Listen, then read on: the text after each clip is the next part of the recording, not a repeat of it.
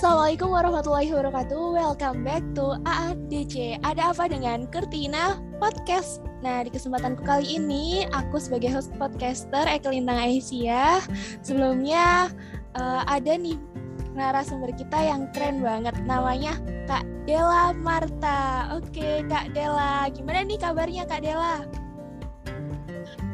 Alhamdulillah, luar biasa. Allah Akbar sehat alhamdulillah alhamdulillah alhamdulillah sehat baik seperti itu. Nah ini kondisi hati pikiran setelah semester 7 nih kira-kira gimana nih perasaannya Dela? Kalau hati pikiran ya begitulah ya. Michael juga merasakan gitu. Jadi uh, sudah saatnya kita ngerjain TA, sudah saatnya kita uh, ikom ini melakukan ikom atau KKN gitu. Untuk perasaannya sih ya bangga pada diri sendiri ya karena udah melampaui dari semester 1 sampai semester 7 ini gitu. Insya Allah sangat luar biasa ya semangatnya. Mungkin teman-teman kalau misalnya yang kemarin-kemarin dengerin podcast nih, podcastnya ini sangat-sangat berasa aura positifnya. Oke lanjut ke sebenarnya anti gizi itu ada nggak sih kak kayak misalnya uh, kan kita lagi covid nih kak ya mungkin uh, lebih aware ke ya. hal-hal ya. yang meningkatkan imunitas. Nah kira-kira di gizi itu ada nggak sih kak tentang imunitas seperti itu? Oh untuk mata kuliah sendiri ya maksudnya? Iya benar sekali. Oke, dari gizi sendiri itu ada mata kuliah imunitas. Nah, untuk ma uh, mata kuliah imunitas ini masuk ke dalam mata kuliah pilihan. Jadi uh, nanti pada semester berapa ya 5 dan 6 itu ada beberapa mata kuliah pilihan. Nah, salah satunya adalah uh, mata kuliah pilihan gizi imunitas. Nah, pada mata kuliah gizi imunitas ini banyak sekali yang akan dibahas gitu, yang pastinya berhubungan dengan imun. Contohnya ada bagaimana cara kerja atau mekanisme imun dalam tubuh, lalu bagaimana zat gizi bisa membantu kerja imun gitu. Lalu uh, bisa fokus kepada pasien seperti bagaimana imunitas untuk lansia, untuk pasien HIV/AIDS dan juga masih banyak lagi pastinya sangat menarik. Yeay. Wah, keren-keren. Berarti uh, kira-kira nih Kak bocorannya ya. Tadi kan kita bahas mengenai gizi imunitas nih kali ini. Sebenarnya gizi itu apa? Terus imunitas yeah. itu apa sih Kak? Baik, kalau gizi sendiri pasti udah banyak uh, orang tahu uh, orang awam yang tahu ya bahwa gizi itu pastinya uh, sebuah kandungan yang terdapat dalam makanan yang tentunya bisa bermanfaat bagi tubuh seperti itu. Dan gizi itu ada macamnya ada makro dan juga mikro. Untuk gizi makro sendiri itu ada karbohidrat, contohnya ada pada nasi, singkong seperti itu. Lalu ada protein, ada protein hewani dari ayam, daging, lalu makanan laut gitu. Lalu ada protein nabati juga dari tahu tempe kacang-kacangan dan juga ada uh, zat gizi makro yang terakhir ada dari lemak kayak minyak goreng seperti itu. Lalu gizi selanjutnya juga ada, itu ada gizi mikro. Tadi kan aku sebutin bahwa zat gizi ada dua, makro dan mikro. Kalau dari mikro sendiri itu ada vitamin dan mineral. Eh btw ini uh, kita saling belajar ya. Nanti kalau ada salah-salah mohon dimaafkan seperti itu. Oke siap. Ini kalau misalnya yang imunitas nih kak, kira-kira gimana? Oke, imunitas sendiri adalah sistem kekebalan tubuh ya pastinya dan bagaimana tubuh itu merespon uh, jika ada suatu benda atau zat asing yang masuk ke dalam tubuh gitu. Oke, keren banget. Semoga nanti bisa menambah ilmu pengetahuan teman-teman ya yang lagi dengerin podcast ini. Amin. Kira-kira nih kak ada nggak sih kayak fakta atau kepercayaan tentang gizi yang berhubungan sama imunitas yang kali ini kita bahas nih? Fakta atau kepercayaan uh, ini jadi uh, fakta yang aku dapat dari kan saya ikut mata kuliah gizi imunitas. Jadi dari bab, uh, ibu dosen, seingat saya bahwa zat gizi baik dari makro atau karbohidrat, protein, lemak dan juga mikrovitamin dan mineral itu sangat dibutuhkan dan sangat bermanfaat untuk imun atau kekebalan tubuh kita. Contohnya nih ya, ada sepeda motor.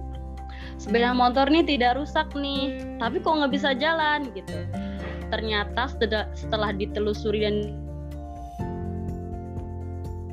nah karena nggak ada bensinnya sepeda motornya nggak bisa jalan.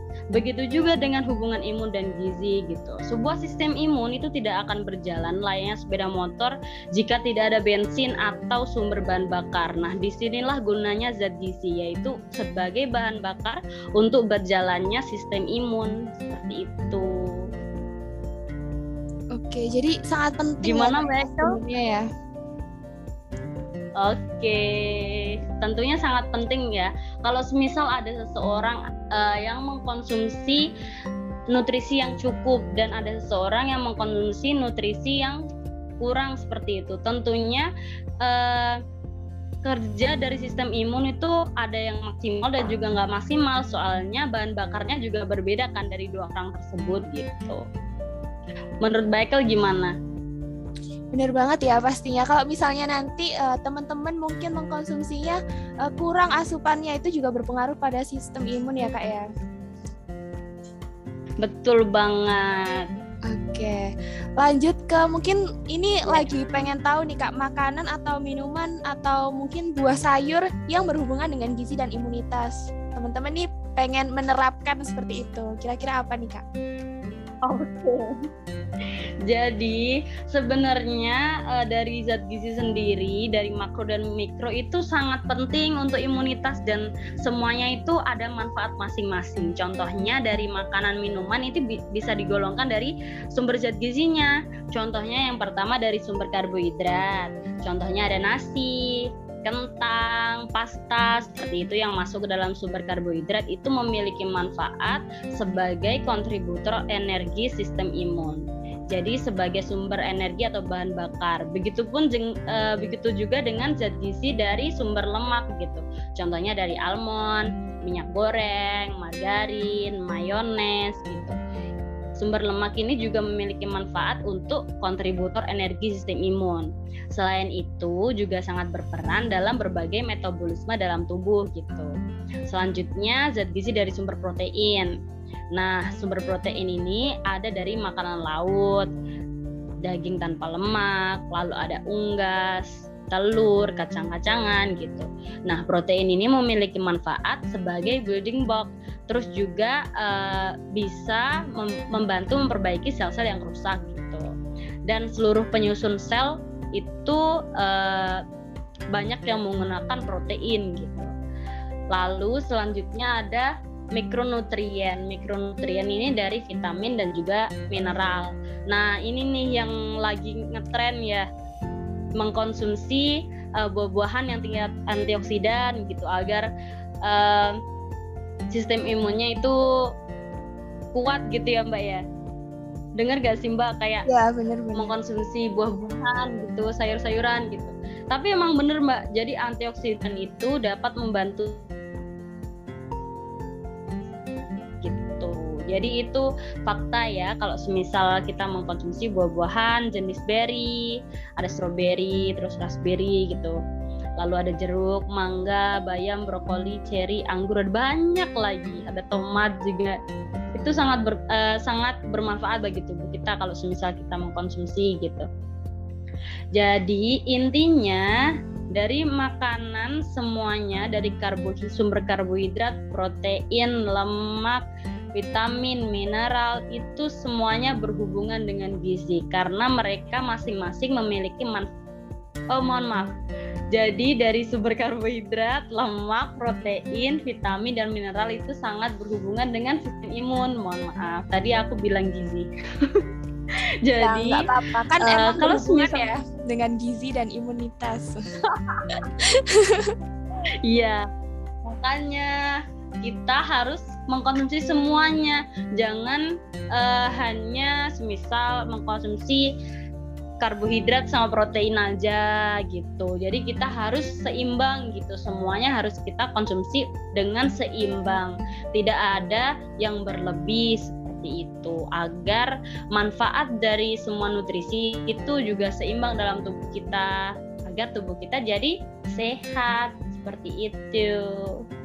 Oke, sehat, kuat, semangat seperti Kak Dela ya. Oke kak, ini kalau misalnya kita bahas tentang manfaatnya tadi kan udah ya kira-kira. Mungkin ada tambahan lagi tentang manfaat buat imunitas nih kak, atau mungkin ada contoh atau bagaimana nih kak? Manfaatnya sih tadi sih ya.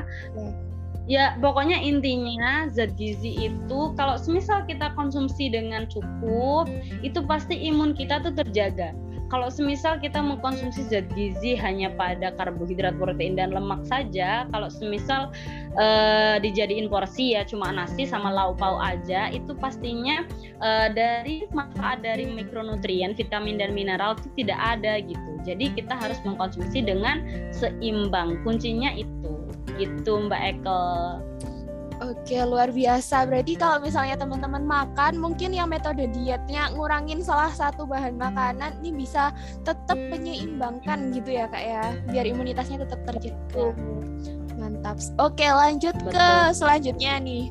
Teman-teman kepengen tahu nih kak cara nyikapinnya. Gimana buat menerapkan hal apa yang harus diperhatikan ataukah mengolah masaknya? Atau bagaimana nih kak? Kira-kira adakah vitamin ataupun mineral yang hilang saat kita mengolahnya dengan cara yang salah seperti itu? Oke, sebelumnya mayoritas masyarakat Indonesia pastinya melakukan proses pemasakan ya sebelum mengkonsumsi. Benar sekali. Kalau nggak dimasak tuh kayak sayur-sayuran gitu tuh kayak rada pahit gitu ya mbak ya. Terus dari wortel sen wortel sendiri juga kalau nggak direbus dulu keras gitu. Ya nggak mbak? Benar sekali. Mungkin karena terbiasa ya dari dahulu kala betul jadi uh, masyarakat Indonesia itu memasak itu agar uh, makanan yang kita makan itu bisa enak, terus ada rasanya, terus sedap gitu kalau dicium. Uh, kalau semisal uh, dimasak itu pastinya pastinya ya ada sumber zat gizi yang uh, hilang gitu. Dan apa namanya? Kalau semisal kita contohnya ya kalau dipikir logika nih mbak ya aku baru terpikir nih. Kalau semisal kita mengko, e, memasak sumber lemak seperti ayam gitu ya. Ayam kalau kita goreng pastinya e, lemaknya bertambah gitu. Kalau semisal lemak kita kukus dengan metode pengukusan atau metode perebusan pastinya lemaknya berkurang. Itu gimana menurut Mbak Eko? Menurut aku enakan yang di ini ya digoreng ya sebenarnya. Emang terbiasanya bergurih-gurih gitu ya. Memang. Padahal lemaknya menambah kan nggak mengurang ya. Tentunya kalau misal ya. bagus kukus padahal. Betul banget. Jadi uh, sebenarnya untuk apa namanya penghilangan zat gizi itu bukan hanya pada pengolahan aja, tapi juga dalam penyimpanan. Kalau semisal ada suatu uh, buah-buahan ya, itu sudah uh, berubah bentuk, terus sudah uh, kadar airnya sudah menambah, itu pastinya uh, zat gizinya juga hilang. Jadi bukan hanya pada pengolahan saja, namun pada penyimpanan juga harus diperhatikan seperti itu. Nah, kalau misal dari daging sendiri, dari daging sendiri kalau tidak disimpan dengan baik pasti kan juga ada nambah mikrobanya ya, Mbak ya. Benar sekali. Mungkin teman-teman yang tahu itu ya bau-bau mencium bau-bau tidak sedap. Iya, pastinya kalau semisal sebelum mengkonsumsi makanan yang siap makan kayak buah-buahan harus diperhatikan ya mbak ya kayak seperti itu. Nanti ada uh, bahaya lain kayak ada ulatnya atau semisal sudah busuk terus kemakan itu pastinya harus diperhatikan gitu ya mbak Ekel ya? Benar. Mungkin sebelum kita memakan kita berdoa dulu. Mungkin nanti bisa sadar oh, makanannya. Betul betul betul. Ya air apa enggak nih? Gitu kan ya kak ya. Oh iya. Betul sekali. Jadi sebelum mengkonsumsi makanan tuh pasti kita harus mengecek terlebih dahulu dan khususnya kita harus berdoa yang penting ya mbak Ekel ya. Ya boleh boleh boleh. Oh. Berarti tidak hanya pengolahan tapi penyimpanannya perlu diperhatikan gitu ya kak ya. Mm-mm, betul banget Mbak Eko. Buat teman-teman kalau Agar dengerin ini ya langsung diterapin ya. Supaya apa nih kak Jadi um, ya supaya uh, yang masuk ke dalam tubuh kita tuh bukan benda-benda asing seperti kalau semisal kita mengkonsumsi nasi bungkus ada staplesnya itu. Kan bahaya kan kalau semisal masuk dalam tubuh gitu staplesnya terus ada uh, rambut kuku juga itu harus diperhatikan kalau semisal mau jajan di luar itu dilihat dulu penjualnya. Pakai sarung tangan enggak terus juga pakai masker. Kalau masker sih nggak mungkin ya mbak ya. Tapi mungkin aja ya pakai ya. Mungkin ya karena sekarang covid mungkin ya kak ya. Ya jadi uh, tempatnya juga harus diperhatikan. Kalau semisal kita mau uh, mau beli nasi gitu ya nasi ayam ternyata tempatnya tuh kayak kumuh gitu nah itu disarankan untuk menjauhi ya bukan menjauhi tapi mencari yang lebih higienis seperti itu kan itu juga untuk uh, kesehatan kita sendiri gitu Iya betul sekali. Berarti teman-teman sebaiknya adalah mencari tempat yang memang bersih seperti itu ya, aman. Oke. Ini kalau tadi bahas tentang gizi imunitas nih sangat luar biasa, lengkap dan detail ya Kak Dela. Terima kasih atas penyampaiannya. Oh, maaf bisa salah ya. Oke, dimaafkan pastinya buat Kak Dela. Ya. Pasti ya enggak ya buat Kak Dela. Oke. Lanjut ke pertanyaan Kurtina nih. Kurtina nih pasti lagi dengerin ini ya, teman-teman Kurtina maupun yang bukan Kurtina mungkin uh, adik kelas mungkin bisa dengerin ini dengan seru-seruan. Nah, cerita pengalaman nih Kak yang paling berkesan selama menjadi mahasiswa Gizi FKUB. Kira-kira apa nih? Waduh, pengalaman pengalaman menjadi mahasiswa gizi. Wow, iya. banyak banget yang punya pengalaman yang berkesan ya mungkin ya. Oke, okay. yang paling berkesan itu tentunya saat aku berorganisasi dan mengikuti beberapa panitiaan. Karena kenapa berkesan gitu ya? Karena di situlah aku merasa bahwa banyak sekali hal-hal yang bisa aku dapat dan pengalaman yang aku dapat gitu. Dan aku juga merasa bahwa aku itu benar-benar dilatih bagaimana cara bekerja sama yang baik, bagaimana cara tanggung jawab, lalu bagaimana kita berani mengemukakan pendapat atau uh, public speaking gitu.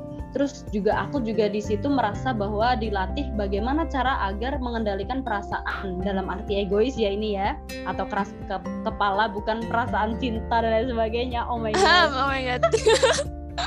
Tertrigger saya. Ya, yang aku maksud seperti itu. Jadi uh, pengalaman yang sangat berkesan tuh waktu berorganisasi. Kenapa kok sangat berkesan ya? Karena itu.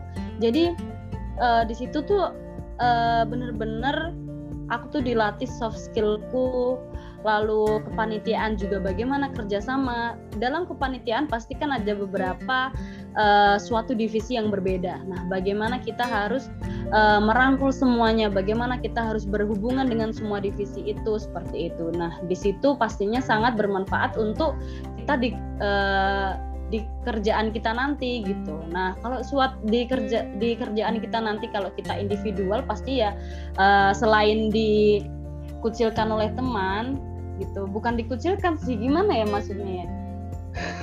Bingung jelasnya. Mungkin tidak ditemani. Gimana tuh?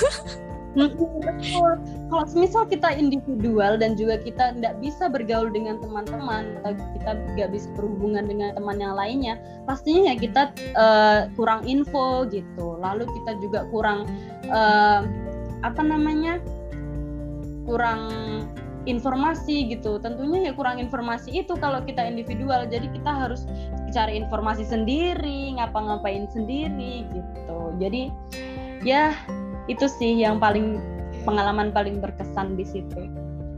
Oke, ya tadi nyari sendiri, sekarang nggak sendiri ya kayaknya Kak Dela ya, atau gimana? Jangan tanya itu beli. Oke, okay. ini kayaknya nggak bisa dibahas di podcast ini ya teman-teman ya. Nanti kalau misalnya kepo langsung aja chat Kak Dela, mungkin gitu ya kak Boleh Kak dikasih bocoran nih Instagramnya apa Kak? Instagram aku Dela Marta underscore underscore jangan lupa follow ya okay. Ih malah promosi jangan lupa follow ya nanti kalau kepo bisa langsung tanya di sana ya ini ada yang belum selesai tadi Oke, lanjut ke okay, pertanyaan yang mungkin ini adalah sesi terakhir ya. Apa yang pengen kamu sampaikan ke teman-teman gizi Kurtina nih kak? Kira-kira apa yang pengen kakak sampaikan gitu? Oke, untuk teman-teman Kurtinas, yuk semangat yuk kita semangat mengerjakan TA, kita semangat untuk IKOM 2, terus semangat untuk ke depan ke depannya. Semoga kalian sehat terus, semoga kita lulus uh, tepat waktu gitu ya. Terus aku tuh juga sering mengeluh gitu kan karena banyak juga tekanan-tekanan gitu, Mbak. Jadi mengeluh itu hanya akan membuat hidup kita tuh semakin tertekan. Emang betul sih. Sedangkan bersyukur akan senantiasa membawa kita pada jalan kemudahan gitu ada banyak hal yang pantas untuk disyukuri daripada membuat uh, sambat atau menyambat gitu. Pokoknya intinya jangan lupa bersyukur Kurtina. Banyak banget uh, nikmat Allah yang di eh nikmat yang diberikan oleh Allah gitu. Jadi Masya jangan lupa mengucap alhamdulillah. Apa Jamaah, nggak gitu lanjutannya. Malu ya. aku malu oh, ngomong kayak gitu podcast ya, ya. seru seru seru abis sih sebenarnya kalau misalnya teman-teman ya ketawa ketiwi mungkin ya yang secara virtual mendengarkan podcast kali ini kayaknya alhamdulillah kita syukuri ya Del ya kita sudah berhasil membuat orang lain tertawa iya.